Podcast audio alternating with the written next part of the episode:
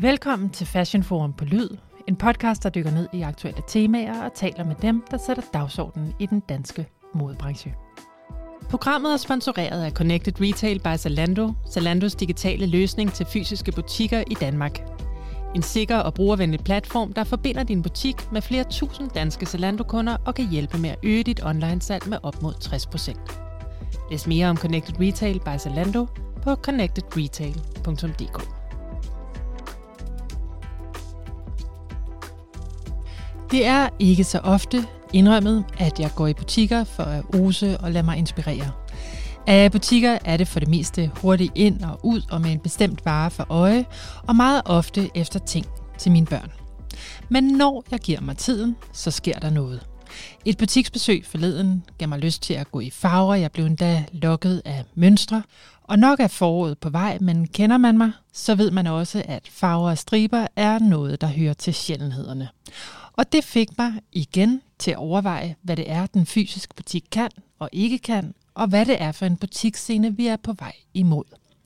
Det dykker vi ned i i dag. Den 28. februar lukkede en absolut perle på den danske butiksscene, nemlig den eksklusive multibrand-butik Holly Golightly. Siden de tidlige nuller har Holly Golightly fristet modekyndige kvinder med tøj og brands, som man sjældent fandt andre steder – Først på Gammel Mønt, så med udvidelsen i Store Regnegade, og siden i Borgergade, hvor det brogede og kunstneriske fik lov at leve både i tøjet og side om side med det, kurteret og drevet af butikkens indehaver, Barbara Maj Husted Werner, også kendt som Bibi, som er med os i studiet her om lidt til en snak om at lukke den fysiske butik og drive den videre som online-univers i stedet. Og så får vi også hendes bud på fremtidens retail-landskab. Og mens en fysisk butik lukker, så åbner en anden. Vi har besøgt Andersen Andersen, der netop er rykket fra deres lille, men velbesøgte butik i Vestervoldgade til langt større lokaler i København. Og endelig taler vi med branchedirektør i Dansk Detail, Nikolaj Clausen, for at blive klogere på de største trends inden for butikker lige nu, i en verden præget af, ja, lad os bare sige det som det er, tomme lommer. Barbara Maj Husted Werner, også kendt som Bibi. Velkommen til dig. Bibi Holly Golightly var, eller er jo stadigvæk en ikonisk modedestination på den danske butiksscene. Og en butik, som jeg vil våge at påstå, at mange kvinder er nærmest følelsesmæssigt forbundet til, fordi at de køb, som man har foretaget i butikken, har været nogen, som der er blevet sparet op til og tænkt over og kredset om, ofte i hvert fald. Hvordan var det at dreje nøglen om til den fysiske butik for sidste gang den 28. februar? Jamen, jeg synes, det var en intens oplevelse. Jeg fik heldigvis mange rigtig flinke tilkendegivelser fra folk og kunder om, øh, at de synes, det var et tab, at øh, vi ikke længere skulle øh, være der som en mm. fysisk mm. destination. Og så samtidig følte jeg også lidt en lettelse over at øh, have taget en anden drejning, som måske passer bedre til den tid, vi lever i lige nu. Mm. Og når du siger den tid, vi lever lige nu, hvad tænker du så på? Er det folk, der bruger færre penge, eller ikke går i fysiske butikker? Ja, jeg tænker ligesom, at der har været mange øh, årsager til, at forbrugeren lidt har øh, mistet lysten til at forbruge i den grad, som, som man måske mm. har gjort hidtil. Og, øh, og det øh, synes jeg for så vidt øh, ikke, der er noget galt med, men man kan sige, en, en butik så stor som vores, og som ligger i en by så lille som København, mm. der, øhm, der, når man først har en, en coronakrise, hvor alle turisterne lige pludselig ikke kommer, og man så bagefter øh, kommer direkte videre ind i øhm, en energikrise og en tid med, med krig og klimaforandringer, og hvor folk har vendet sig til at leve på en anden måde, og tage ud i naturen og tage i sommerhus og mm. gøre nogle andre ting, som sådan set er en rigtig god idé. Øh, men det, det koster også noget i forhold til de tilbud, man ligesom kan have i en, i en by. Og øh, når trafikken bliver begrænset, så er, øh, så er der ikke mulighed for at have øh, et stort personale på arbejde til at velkomme folk hver eneste dag. Og derfor så har vi forsøgt at følge med tiden og lave et andet setup, hvor vi stadig kan tilbyde en skarp kuratering og også en, en god service, men hvor at det er med... Øh, med begrænsede omkostninger og i princippet en, en lukket dør, kan man sige, men, mm. men stadig et kig ind i et univers, som vi sådan, synes, vi har udviklet og, og gjort øh, rigtig godt igennem øh, 20 år. Så for at bevare en platform for vores kreative output, kan man sige, så var det en rigtig øh, lige til højrebenet løsning at fortsætte øh, online. Men, øh, men vi er selvfølgelig også spændt på, om, om kunderne øh, kan finde ud af det, og, og hvordan øh, de tager imod det. Ja, fordi det er jo nemlig ikke, som du også lige har været inde på nu, en total lukning. Holly Golightly-universet lever videre online. Bliver det i den form, vi kender jeres webshop nu, eller har I yderligere planer Nej, vi for håber at selvfølgelig, eller ikke det? selvfølgelig, vi håber rigtig meget på at, at udvikle den øh, platform, vi har nu, og det det, det, det arbejde, vi kastede os ind i, men med selvfølgelig øh, et begrænset øh, øh, personale, men et godt personale, så vi, øh, vi håber, vi kan tilbyde ligesom en oplevelse, som også er ud over det sædvanlige, mm. selvom der ikke er selvom der ikke er en, øh, en fysisk butik. Det, dermed ikke sagt, at vi vil også gerne stadig kunne lave nogle eventbaserede ting, sådan så at vi kan stadig godt lave ting, som øh, som lukker en kunde ind i universet. Det bliver bare et, et lidt mindre univers og en anden måde at gøre det på. Og det vil for eksempel være, nu har vi en påskepop lige om lidt, og så har vi en event med Sofie Bilbra, og vi har forskellige ting sådan ligesom i planlagt, som skal foregå også fysisk, men, men det, bliver bare, det bliver bare ikke hver eneste dag fra klokken 11 til klokken halv 6. Og måske heller ikke det samme space? Det bliver øhm, lige nu bliver det i samme space, men øh, vi kommer til at dele spacet med nogle andre, og det, mm. øh, og det glæder vi os faktisk også ret meget til. Det kan jo også give noget ny energi. Ja, ja bestemt. Bibi, når du ser tilbage på dine mange år som indehaver af Holly Golightly, hvad var så butikkens sådan særlige superkraft? Jamen, jeg tror, øh, at det var den det er den direkte service, som vi stadig prøver også at, at bære videre i, i det her online-univers, og vi, øh, vi, vi tager også stadig telefonen og svarer på mails, hvis der er nogen, der vil have noget speciel øh, hjælp, øh, som skal være ud over det sædvanlige, eller et udvalg, vi kan lave til dem. Øh. Så i princippet, så tror jeg, at det er vores øh, måde at vælge på og, og præsentere ligesom en helhed på, hvor vi har taget lidt fra alle mulige forskellige verdener. Og så tror jeg, at, øh, at øh, måske har min tilgang og omgang omkring kunst også spillet en rolle inde i, mm. i, i hvert fald i, i, i den måde, vi vælger på, og også i det, vi viser, og også i det vintage-udvalg, vi har, og, og selvfølgelig også øh, sådan, som det var at besøge butikken, mens den var, som den var. Hvordan får man viderebragt de styrker i et online-univers? Ja, altså jeg tror, det er vigtigt at skille sig ud, og ligesom ikke øh, sørge for, at man ikke ligner fuldstændig alle mulige andre. Øhm, og det kan man jo gøre både med, med sit udvalg, men også med, med, med sit visuelle take på det. Og så øh, er den helt store udfordring at få samspillet mellem de sociale medier og, og, og den måde, man, man interagerer i, i det univers, mm. til at pege direkte ind og gøre det nemt for kunden at, at, at orientere sig, men også at, at, at købe tingene. Altså noget andet, det jo også gør det nemmere for, det er jo internationale kunder. Yes. Er der også en, en ambition om at nå nogle nye kundegrupper? Ja, altså vi har allerede en del internationale kunder. Jeg er sikker på, at det også er baseret lidt på vores fysiske butikker, og at man måske kender til den. Mm. Og, og det er klart, at vi vil rigtig gerne have mange flere internationale kunder. Vi er jo ikke en stor webspiller i forhold til så mange andre, men vi håber, vi kan skille os ud og derigennem øhm, nå øhm, nå vidt omkring. Mm. Nu har du haft butik i over 20 år. Det er længe, så du, man kan også godt kalde dig lidt af en ekspert på området, mm. synes jeg. Og øh, nogle butikker lukker jo, og andre knopskyder. Men hvilke strømninger ser du ligesom i detailhandlen inden for mode lige nu og luksusvarer?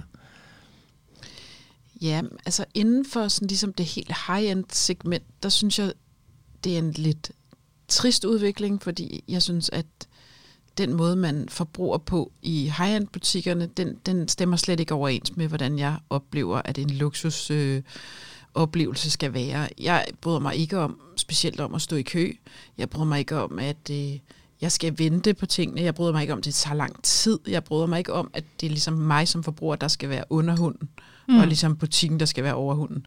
Og det synes jeg, det synes jeg er, er en kedelig tendens. Det er i hvert fald ikke en, jeg selv har lyst til at benytte mig af. Øh, og derfor vil jeg også øh, langt foretrække, at hvis jeg skulle købe noget fra et dyrt dyrt mærke som Chanel eller Hermes eller sådan noget, så vil jeg altid gøre det online, for jeg vil sådan set ikke synes, at det var nogle særlig gode oplevelser at gøre det øh, fysisk, tror jeg.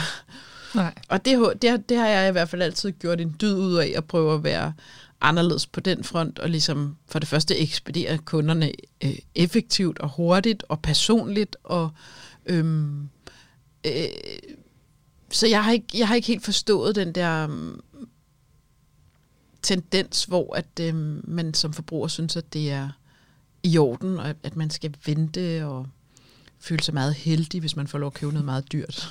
Jeg synes, det burde være virkelig nemt at købe noget meget dyrt.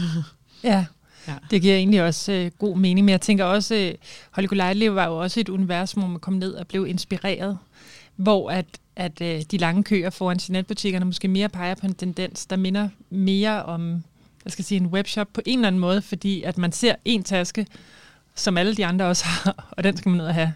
Jeg kan ikke sige, det helt er sådan, det er. Men det er jo mere det der med at skabe et univers, hvor folk også bliver præsenteret for noget, de måske ikke lige havde regnet med. Ja, det har jeg også øh, øh, altid synes var det mest spændende.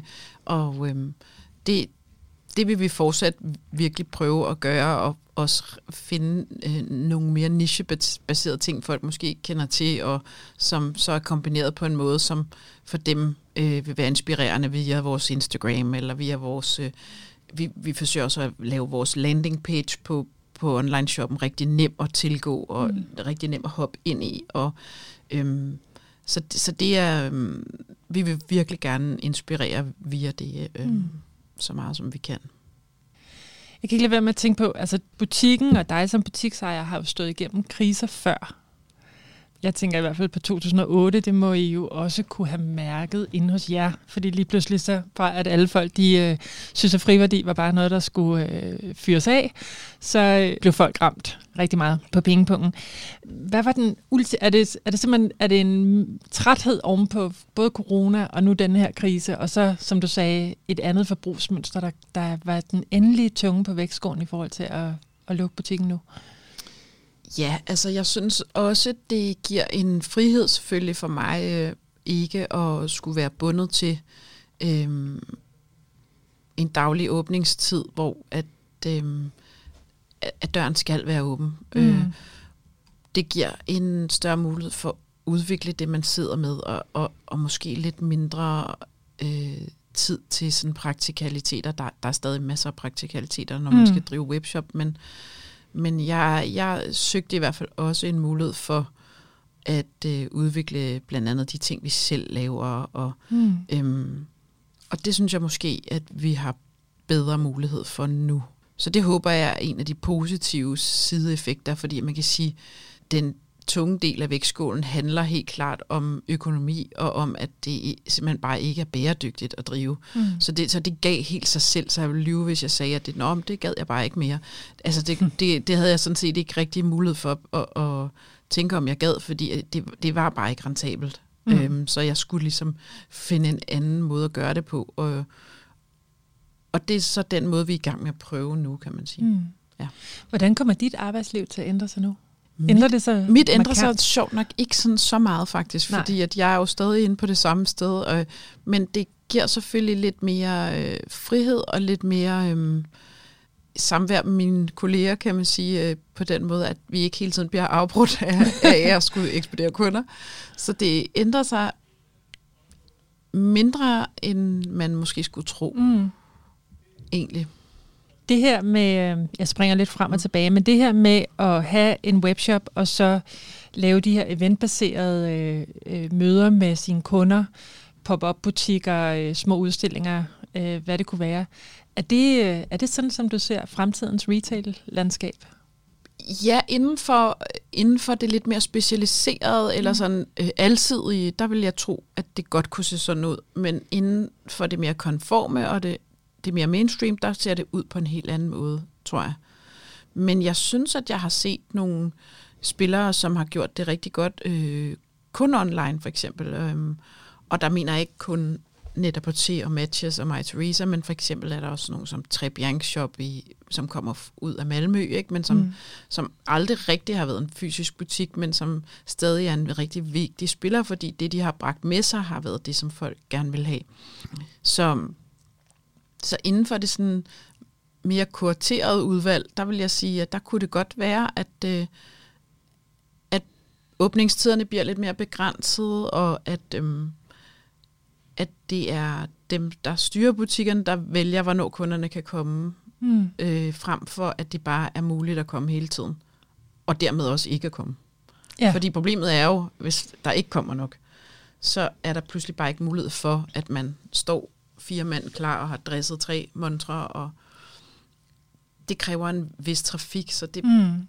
så det, øhm, det kunne jeg godt forestille mig, at det kommer til at se mere sådan ud. Bibi, her til sidst, når du ser tilbage på Holly Golightly's øh, butikshistorie, hvilke år var så de vildeste? Ja, det er et godt spørgsmål. Men jeg tror, at der kom ligesom et boom, da, da alle designervarerne pludselig blev mere kendte. Vi startede jo med, at der ikke var nogen ting. Ikke mm. så meget som en Prada-sko næsten.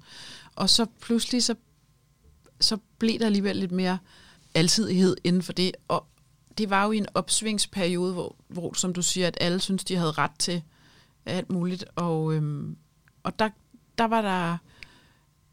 Det var også der, hvor statustaskerne og sådan noget, mm. de ligesom kom i spil. Så jeg vil sige for eksempel, når vi havde Balenciaga-tasker, det var, det var sådan en, en, øh, en vild forbrugstid, kan man sige, hvor at folk de købte meget ind og gerne øh, altså, ville, ville have præcis det produkt, og så, så det var nemt at sælge. Så det var jo sådan set øh, øh, meget funktionelt. Men, øh, men jeg synes jo nok selv, at det har været sjovere øh, at lave det univers, jeg nu har haft, hvor at det blev mere en oplevelse og mere mm. en, en, et, et inspirationsgalleri end bare en butik.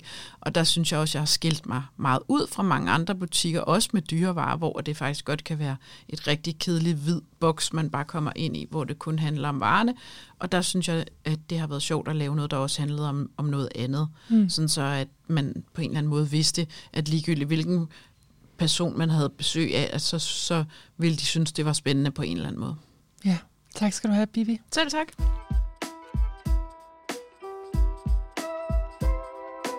Katrine Lundgren Andersen, du er CEO i Andersen og Andersen, hvor I øh, siden 2009 har haft en ambition om at skabe verdens bedste sømandstrøje. Man må sige, at det ser ud til at gå godt. Nu har I lige lukket jeres lille butik nede i Vestervoldgade for at åbne op i store lokaler her på Gammeltorv, hvor jeg lige har været nede og se jeres nye butik. Nu sidder vi heroppe i jeres showroom. Vil du ikke starte med at fortælle, hvorfor har I valgt at satse på en stor ny butik netop nu, hvor det virker til, at mange måske også holder lidt ekstra fast i deres penge faktisk? Det er sådan så, at den lille butik, sådan lille, vi kaldte den lille cigariske, nede ved havnen i København, det var, øh, den har vi haft i otte år. Den var, vi var simpelthen vokset fra den. Altså, der var, der var for travlt og for mange kunder på det lille bitte areal. Øhm, og så har vi øh, kontor øh, og showroom på Gammeltorv i Stillinghus i forvejen. Og så blev øh, lokalet øh, på første sal ledigt. Og, øh, og det øh, var interessant at overtage på forskellige, af forskellige årsager. Både øh, fordi, at firmaet ved at flytte herop og samle øh, alle afdelingerne havde en helt anden synergi med hinanden. Det øh, befordrer samarbejdet på en helt anden måde, et andet niveau. Og så også fordi, at det understreger kollektionens øh, hvad skal man sige, afsæt. Øh, den måde, vi har arbejdet med beklædning på, så jeg siger netop beklædning og ikke mode, det er, at øh, vi har set det mere som et industrielt produkt, altså industrielt design. Så mm. vores svætre kunne have været en stol, og det kunne have været en lampe. Øh, men på den måde, at vi er gået mere til værks i formgivningen og materialerne og holdbarheden, øh, end i de nye trends. Så vi har arbejdet med en kollektion, der, der, der er transitional, altså det vil sige, at de går, går videre fra sæson til sæson, og, og det er en lille øh, snæver kollektion. Mm. Øhm, så på den måde passede det rigtig fint at komme herop øh, på Gammel Torv, som er og Stemminghus, som er tegnet af Arne Jacobsen. At det at ligesom understrege, underbygge kollektionen med, med, med en, et meget smukt lokale. Så, så det, det var derfor, vi, vi tog det skridt. Ja, og så da jeg overtog lokalet, var det, øh, havde det ikke været en butik i altså siden øh, 70'erne. Det var øh, Stillingfamilien, der bestilte ejendommen af Arne Jacobsen, øh, fordi de solgte kunst, kunstvareartikler, mm. Kunstmalerartikler og pensler. Øh, I stuen, hvor der er 7-Eleven, og så på første sal, hvor jeg nu har butik. Ja. Så på den måde var det, var det sådan... Øh, det passede rigtig fint for os at komme ind i det her øh, lokale. Hvad har visionen været for den nye butik? Visionen har været at, øh, at danne rammen om kollektionen på, øh, på en måde, så vi både har øh, respekten for det gamle, for det gamle, det gamle arkitektur, som jo i den gang den blev bygget var, var ybermoderne. Så man kan sige, det er jo stadigvæk, øh, modernismen er jo stadigvæk meget moderne nu mm. til dags. Den ramme om, om øh, vores kollektion. Så det, det har været det, der har været formålet ved at, at tage første sal og, og sætte den i stand. Og det er jo lidt, øh, det er jo lidt spændende at se. Vi har en butik, der ligger øh, op på første sal i København. Man skal ligesom bosse sig ind med en dørklokke. Øhm, og, øh, og vi har jo en masse, der er rigtig glade for vores vædre og, og køber en del af dem, som kommer ned til Vestervoldgade eller Gjorde. Og dem tænker vi, vi stadigvæk øh, vil se heroppe. Plus mm-hmm. at vi også vil have en masse kunder, der er interesserede i at se ejendommen, som simpelthen kommer arkitekturinteresserede, designinteresserede. Og dem er vi meget interesserede i at, at invitere ind også. I din optik, hvad skal den fysiske butik kunne tilbyde? Den fysiske butik er meget vigtig for os, øh, fordi det er, det er et sted, øh, hvor kunderne kom ind, kan komme ind og mærke vores kvalitet og mærke hvor, hvor kompakt vores strik er, hvor, hvor, hvor stærkt det er, øh, hvordan formgivningen er, er lavet. Der kan man prøve det på kroppen og, og øh, få en snak med personalet om de forskellige garntyper, vi har. Vi får lavet vores eget garn til, til kollektionen. Det bliver ekstra spundet for at give det ekstra styrke. På den måde er det sådan meget interessant for kunderne at komme ind og se det i virkeligheden og mærke det og mærke kvaliteterne. Øh, og vi oplever, at folk faktisk sådan, vi kalder det, de flytter ind. Så ja. det, når de kommer, så bliver de i, oftest i flere timer ja. og prøver mange forskellige ting, og, og det er der virkelig plads til her, her hos os. Øhm, det kan de rigtig godt, vi kan rigtig godt lide den dialog, der er med kunderne, og, og høre deres erfaringer. Og Hvad håber I på, I kan gøre ekstra ud af den nye butik? Det, som, som vi vil bruge lokalerne til, ud over selvfølgelig at have butikken, det er også at invitere folk ind til, til forskellige arrangementer. Jeg synes, at, øh, at jeg har et, et stort ansvar over for den, den levende kunst, øh, den levende kultur. Øh, vi snakker meget om det der med, at det kunne have været en stol eller en lampe, og der har vi selvfølgelig kigget meget på de gamle arkitekter. Men det er jo vigtigt også at kigge fremad og kigge på de arkitekter, der er her nu, og de kunstnere, der er her nu, og de forfattere, der er her nu. Så, så vi vil rigtig gerne øh, stille og roligt i vores eget tempo øh, lave nogle arrangementer, hvor vi inviterer folk ind til både at se lokalerne, øh, arkitekturinteresserede, men også kulturen i det hele taget, den levende kunst. Så det, det er noget af det, som vi, butikken vil danne ramme omkring øh, fra nu af. Så det glæder vi os rigtig meget til. Mm. Og nu har I haft åbent i små to uger ja. her i den nye butik. Kan I allerede nu mærke, har det været det rigtige at rykke herhen? Det er 100% rigtigt. For det første i teamet, rigtig, rigtig dejligt at være her sammen. Der er en helt anden dynamik, og vi kan spise frokost sammen, og vi kan snakke på kryds og tværs, og lige have fat i en nede fra butikken, hvis der er et spørgsmål, og de kan komme op og snakke med os. Og, og på den måde er der en helt anden synergi i firmaet. Øh, og butiksmæssigt, der er vi jo slet ikke i tvivl om, at det her det er det rigtige. Det, det er, det, det er en, der er sådan en, en dejlig, rolig øh, udstråling fra, fra det lokale, som, som bare passer rigtig godt for os. Så det, det er vi meget, meget glade for, at vi har gjort. Mm. Det forstår jeg godt, når jeg har set butikken. Den er tak. meget smuk. Mm, tak. Og øh, tak fordi du ville tale med mig. Det er så lidt.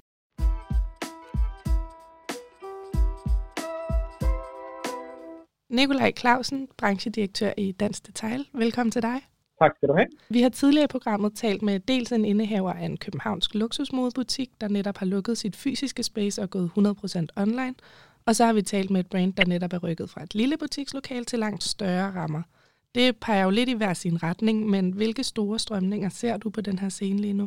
Ja, altså jeg vil jo ønske bare kunne sige, at det er lige præcis den her strømning, vi ser. Men øh, det kan godt være lidt øh, forskelligt fra by til by, fra landsdel til landsdel og fra faktisk fra land til land.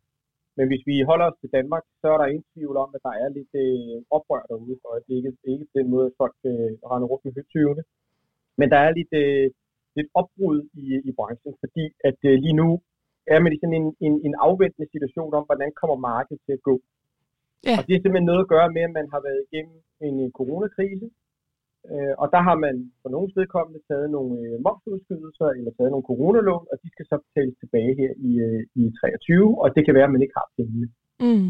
Der, der kan komme nogle konkurser, og nogle, øh, nogle lukninger, fordi at man simpelthen ikke har pengene. Og det vil sige, at man har sådan set udskudt nogle lukninger, der måske skulle være foregået i 21 og 22. For at tage et eksempel. Mm. Så er der kommet huslejestigninger, som for mange vedkommende kan betyde helt op til en huslejestigning på op til 9 procent. Øh, og det er jo en rigtig, rigtig, det er jo den næststørste omkostning efter øh, lønninger. Og ja. der er lige lavet en overenskomst, hvor lønningerne også skal til at stige en hel del for detailhandlen. Så grundlæggende er man blevet ramt af en hvad skal man sige, en, en, en bølge af udgiftsstigninger. Øh, samtidig med, at vi har været inde i en stigende inflation, stigende renter, vigende forbrug. Så, så, så man kan sige, detailhandlen, nethandlen, alt hvad der har med forbrug af livsstilsprodukter og luksusprodukter, er, har jo været, er jo under enorm pres lige for øjeblikket. Så, så, så man kan sige, det, det er lidt sådan lige bare lige for scenen omkring, hvor vi er henne. Ikke? Øh, den er faktisk lidt vanvittig, øh, hvis man begynder sådan lige at sidde og tænke over det. Ja.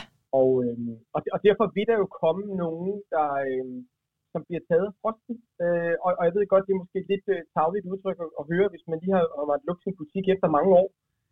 Men, men, men man kan sige, forbrugerne kræver bare mere og mere. Øh, og der er også noget forbrug, der er flyttet over på andre kanaler. Mm. Øh, selvom der er krise, er der jo nogen, der har fremgang. Og, øh, og, og, og, og det så vi jo også under coronakrisen. Der var jo også nogen, der klarede det, og nogen, der ikke klarede omstilling. Jeg, jeg tror, vi kommer til at komme et hårdt 23 igennem, men jeg tror også, at vi på den anden side så også kan ånde lidt mere lettet op. Hvem der så bliver vinderne, det kan vi jo så prøve at tænke snakke om. Ja, det leder mig faktisk også hen til mit øh, næste spørgsmål. Nu her, når vi står midt i en ny krise, der er kommet lige oven på corona, Øh, mm. Hvilken indflydelse har de her kriser haft på danskernes shoppevaner og deres lyst til at gå i fysiske butikker? Det er ikke fordi, de ikke har lyst til at gå i de fysiske butikker, men vi ved jo alle sammen godt, at hvis vi først går derned, så bliver vi jo fristet. Ikke? Så jeg ja. tror, at der er rigtig mange, der ligesom holder sig lidt væk øh, bevidst, fordi man lige vil se, hvor ender ens private økonomi her i 23. Hvad betyder eventuelt en rentestigning på mit lån? hvad betyder det, at øh, fødevarene koster det mere? Og så er der et eller andet beløb tilbage. Det, lad os bare sige, når du har betalt alle udgifter, og du har betalt alt det, du skal, så er der et eller andet beløb til almindelig forbrug. Og der bruger vi altså stadigvæk de penge, vi har. Det er ikke sådan, at vi oven på de her stigende omkostninger også lige beslutter os for at spare yderligere 2.000 kroner op om måneden, for hvad nu hvis. Mm-hmm. Det gør vi. Vi svinger dankortet, vi vil gerne ud og shoppe, vi vil gerne købe nogle ting, men det er klart, der kan jo være, at der er lidt færre penge at bruge, og det vil sige, prioriteringerne bliver lidt hårdere nu. Ja. Det vil sige, at nu kæmper du måske ikke imod andre øh, tøjbutikker eller boligbutikker. Nu kæmper du måske også mod en ny, øh, en ny fladskærm, eller en ny opvaskemaskine, eller en rejse, eller andre luksusting, som jeg kalder det, altså mm. livsstilsprodukter, som man måske godt kan undvære. Mm. Eller i hvert fald udskyde, ikke? Jo. Og, øh, og det er klart, at, at, at der, der kan den fysiske detailhandel jo godt være lidt, lidt, lidt hæmmet af, at det man helt præcis gerne vil have, det vil man gerne købe. Nu, nu kan vi bare tage et eksempel. Det kan være en eller anden speciel sneakers, lad os tage det. Noget mm. så, så trist og kedeligt som for sneakers. Jeg siger, dem, dem, dem vil jeg bare gerne have. Det koster 2.000, og jeg vil gøre alt, hvad jeg kan for at få dem. Men der er altså måske kun tre butikker i Danmark, der har dem, eller fire. Så jeg køber dem online, så der er sikker på, at jeg kan få dem. Og så, så er det klart, at når du skal prioritere de køb så hårdt, så, så, så forbereder man sig måske også lidt mere hjemmefra for at finde ud af, hvor kan jeg få den her. Og det kan jo betyde mindre, hvad skal vi sige, trafik eller færre mennesker nede i bymidten. Og, og det vil jo sætte sig i omsætningen. Mm. Øhm, så, så, så, så jeg tror, at vi kommer til at se lidt en, en, et vigende øh, trafik øh, i, i bymidterne her i 23. Men, men det kan også vende igen, hvis det lige pludselig viser sig, at nu kan du se her overnight, der er renten nærmest faldet igen. Ikke? Altså, det er et, et meget øh, omskifteligt marked, ikke? Så, så, så jeg, jeg, jeg vil meget gerne kunne sidde og sige til dig, det er lige præcis det her, der sker, men, men, men det er stadigvæk lidt for tidligt at sige, hvad der kommer til at ske. Ja, det er klart. Man kan så se, at, at mange af de her øh, virksomheder, der vælger at åbne nye butikker for tiden, de gør rigtig meget ud af butiksoplevelsen og ja. vil gerne kunne tilbyde et eller andet ekstra. Kan man sige noget om, hvor stor en forskel det reelt gør for forbrugeren i købsituationen? Altså er det noget, der kan ses på bundlinjen?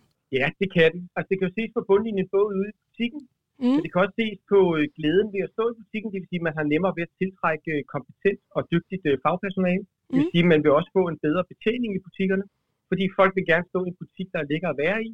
Og derudover så smitter det også af på dine, på dine sociale medier. Det vil sige, at folk tager billeder af butikken, deler det, skriver, gud, jeg var inde i den her fede butik. Og derudover så deler du det selvfølgelig også selv på sociale medier, og der leder du så også trafikken over på din webshop. Så man kan sige, den fysiske butik bliver i stigende grad et kommunikationsredskab. Og det vil sige, at man skal tænke sin, sin, sin fysiske butik på en ny måde, og man skal måske også overveje, om man behøver at være tre klassiske sælgere i butikken. Kunne vi nøjes med to klassiske sælgere? Men så til gengæld så ansætter vi, der står for hele kommunikationen omkring, hvad er det, vores butik kan, hvad er det, vi kan herinde, og sørge for alt oplæg og social media, merchandising, dekoration, oplevelser, events, happenings, hele det med at create øh, et community omkring din forretning og være den lokale influencer. Det er det, du kan bruge butikken til.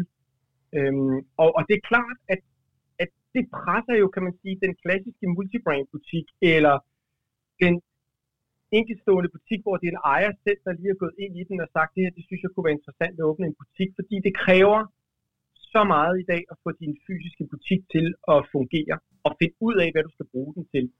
Og det er jo derfor, vi typisk også ser, at det er brand, som, som, som åbner de her flotte forretninger. Altså hvor man selv ejer hele værdikæden og hele, fra helt fra design til, at varen ligger ude i butikken. Ikke? Mm. Er det typisk også dem, der så klarer sig bedst? Mm, det kan man ikke sige, fordi de åbner jo typisk kun en eller to butikker i Danmark måske. Ja. Øhm, men mindre man går, man går ned i pris, og man er ligesom bestseller og åbner flere konceptbutikker, men mm. der kan også være en strategi, der hedder, nu ved jeg ikke lige, hvad bestseller-strategi er, så, så det kunne være alle andre brands, det kunne også være Jysk, det kunne være alle mulige andre, som, som har de her koncepter inden for livsstilsprodukter, hvor man måske vælger at gå større og så have færre. Det vil sige, at man siger, jamen i stedet for at vi har, øh, nu siger jeg bare noget på Østerbrogade, Vesterbrogade og Nørrebrogade, jamen, så lukker vi alle dem, og så åbner vi en kæmpe stor inde på Strøget, eller inde på Købmarkgade, eller noget andet. Mm og så må resten blive taget af nethandlen, eller at de tiltrækker nok til, at den butik kører rundt. Så, så, så, så hvor det ender henne, det, det, det ved vi ikke endnu. Fordi der, der er også nogen, der åbner små nichebutikker på, på sidegaderne, hvor de har et eller andet helt specielt. Øhm, men det er klart, det, det, det er sværere at få noget ud af det, altså andet end branding. Så, mm. så hvis man virkelig også skal leve af retail, så skal man, øh, så skal man, øh, så skal man snøre skoene. Altså, man skal mere se det som et kommunikationsredskab, faktisk. Ja, jeg vil sige, hvis man er brand, så vil jeg i hvert fald også lægge det oven i det. Og jeg ved godt, at man i gamle dage sagde, at øh, Nå, jamen, det er også markedsføring. Øhm, ja, men så skal du tage pengene fra din anden markedsføring og ligesom lægge over i den her butik. Du kan jo ikke både og, fordi så, så kommer det til at koste for mange penge. Mm. Så man skal, man skal virkelig tænke sig om, hvordan man kan få butikken til at være en del af sin nuværende kommunikation. Med mindre at man virkelig vil drive, hvad skal vi sige, retail, så skal du have nogle folk på, der, der er vant til at drive retail. Og det kan jo godt være, at man som brand, øh, som en gruppevirksomhed, designer, ikke ved, hvad det vil sige at drive retail. Så kan det blive svært. Og så her til sidst, så vil jeg bare høre dig om, nu siger du selv, det handler også om, at man gerne vil skabe det her community omkring brandet nede i de fysiske butikker, der tilbyder lidt ekstra, eller der er mange, der også bruger det til at sådan folde brandets univers ekstra meget ud. Kan man overføre denne her tanke til online-butikker også, eller vil den fysiske butik altid indeholde nogle bestemte kvaliteter, øh, der gør, at den vil forblive relevant, og den ikke kan erstattes helt af online? Jamen for mig er det ikke enten eller, det er det både og, og det ved alle. Altså, problemet er bare ret ofte, at man ikke får det til rigtigt at spille sammen. Altså man skal jo, man skal måske, kan man sige, lave noget, altså det er jo nemt at få folk til at signe op, for nu siger jeg bare et nyhedsbrev. Altså bare for at tage noget helt banalt. Det er fordi i bund og grund er det jo et nyhedsbrev, og så mm. uanset hvordan man pakker det ind, så er det kommunikation direkte til forbrugerne. Og der er nogen, der går ind og siger, jeg vil gerne følge jer, det synes jeg er spændende. Mm. Så er det jo meget nærliggende at bruge den fysiske butik til at komme ned og møde sine kunder. Og få den der feedback. Så de kan mærke, hvad skal man sige, øh, produktet i hænderne. De kan møde hinanden, de kan møde ligesindede. De kommer ned og snakker med andre, der er lige så fede, øh, lige så glade for de her fede smykker, eller de her lækre øh, sko, eller hvad ved jeg, uger, eller noget andet. Så det her med, at man bringer folk sammen inden for den samme passion, det kan man jo gøre. Man kan selvfølgelig også gøre det på Teams, men det er bare ikke det samme. Nej. Så det her med, at vi mødes fysisk og ser andre mennesker og spejler os i andre mennesker, det vil vi altid være fascineret af. Og det er jo det, den fysiske butik også kan. Mm. Den kan jo bringe folk sammen og skabe et øjeblik, eller en idé, eller en kærlighed til et produkt, der varer meget, meget længere end et klik på en mobiltelefon. så, så derfor er det jo meget, meget mere vigtigt, fordi du kan jo bringe duft, du kan bringe lyde, du kan bringe øh, gæstfrihed, du kan bringe produkter, du kan bringe mange andre ting i spil i den fysiske butik, end du kan online. Velvidende, at online også er blevet dygtige. Altså, der er jo ikke noget der, mm-hmm. men det er bare både og. Øhm, og hvis man formår at, at træde øh, på speederen begge steder på hver sin måde, på forskellige måder, så kan man virkelig skabe noget, der er spændende i den fysiske butik. Så øh, vil jeg sige tak, fordi du tog dig tid til at tale med mig. Jamen, øh, I er altid velkommen, og tak for, at øh, jeg måtte være med. Selvfølgelig. Du har lyttet til Fashion Forum på Lyd. Denne episode var sponsoreret af Connected Retail by Zalando og tilrettelagt af Amalie Tejls Ybel. Mit navn er Karla Christine Brus Ågaard Strobe, og vi lyttes ved om 14 dage. Husk, at du kan følge med i modebranchens vigtigste nyheder på fashionforum.dk og del meget gerne vores podcast med alle omkring dig.